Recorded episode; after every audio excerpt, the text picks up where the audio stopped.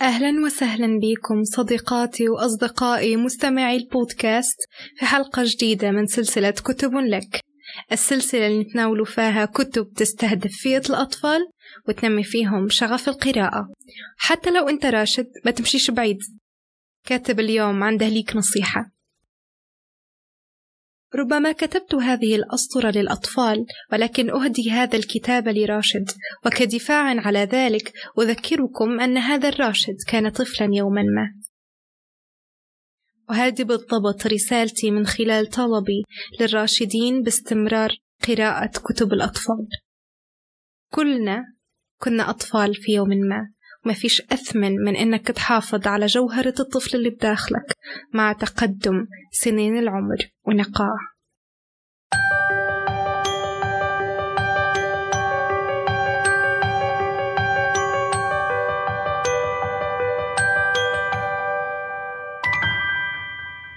أنطوان دو سانت إكزوبيري طيار وكاتب فرنسي.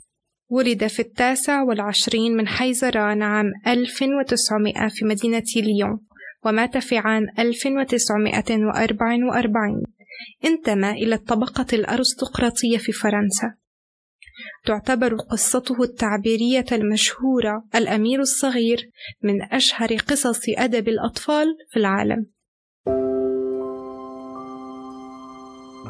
في المقدمة يوصف لنا الكاتب شخصيته بطريقة غير مباشرة عن طريق رسومات. كيف تتميز شخصيته بالخيال الواسع؟ أنطوان يكتب لنا بالضمير المتكلم وكأنه هو البطل يحكي لنا عن حادث سقوط طائرته في وسط الصحراء القائلة وين محدش يقدر يوصل فيه وهو ما معاشي إلا ترمس مية يكفيه لمدة يوم. في حين كان أنطوان يفكر في المصاعب اللي ممكن تواجهه تفاجأ بصوت طفل صغير يطلب منه أنه يرسم له خروف. شن جاب طفل بالعمر هذا؟ في الوقت هذا. وسط الصحراء القاحلة بعيدا بأميال عن أقرب منطقة سكنية. يقرر الروائي إنه يختبره. اختبار خاص به بتكره لما كان صغير.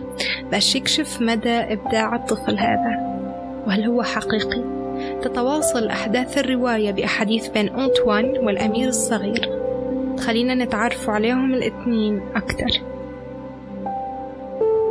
نخليكم مع مقطع تشويقي من الرواية.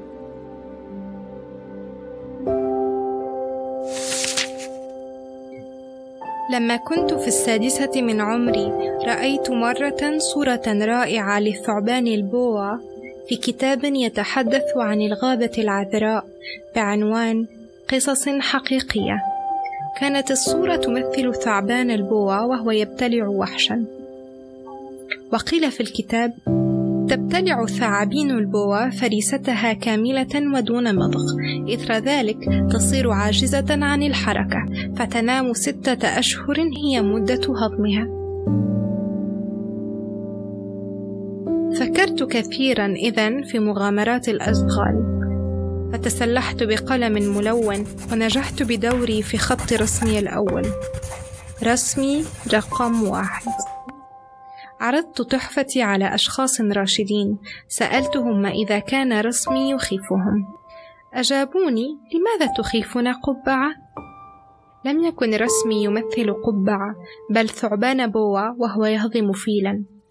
رسمت إذا الثعبان من الداخل حتى يتمكن الراشدون من فهم ما رسمت لكنهم ظلوا في حاجة إلى التوضيحات. نصحني الراشدون بأن أترك جانبا رسوم ثعبان البواء سواء أكانت من الداخل أو الخارج وأن أهتم بالأحرى بالجغرافيا والتاريخ والحساب والنحو. هكذا تخليت وأنا ابن السادسة من مستقبل رائع في فن الرسم. فقد أحبطني فشل رسم رقم واحد ورسم رقم اثنين. ذلك أن الراشدين لا يفهمون شيئا لوحدهم أبدا. وإنه لمتعب للصغار أن يواظبوا على تقديم التوضيحات لهم بصورة دائمة. اضطررت إذا لاختيار مهنة أخرى فتعلمت قيادة الطائرات. طرت في مناطق متعددة من العالم وأفادتني الجغرافيا كثيرا حقا.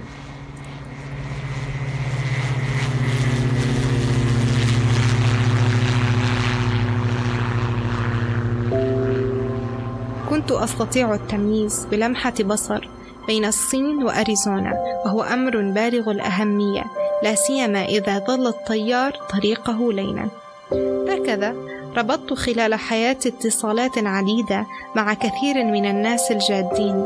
عشت لفترة طويلة بين الراشدين وراقبتهم عن كثب. لم يغير ذلك رأيي فيهم. لما كنت أصادف أحدهم أتوسم فيه قدرا من الذكاء كنت أختبره برسم رقم واحد الذي تعمدت الاحتفاظ به. كنت أود معرفة ما إذا كان فطنا بالفعل لكنه كان يجيبني دائما إنها قبعة. فلا أحدثه إذا لا عن ثعبان البوا ولا عن الغابة العذراء ولا عن النجوم. كنت أجاريه فأحدثه عن لعبة البريدج والجولف أو عن السياسة. أو ربطات العنق يحس هذا الشخص الراشد بالسرور لأنه تعرف على إنسان بهذا القدر من الحصافة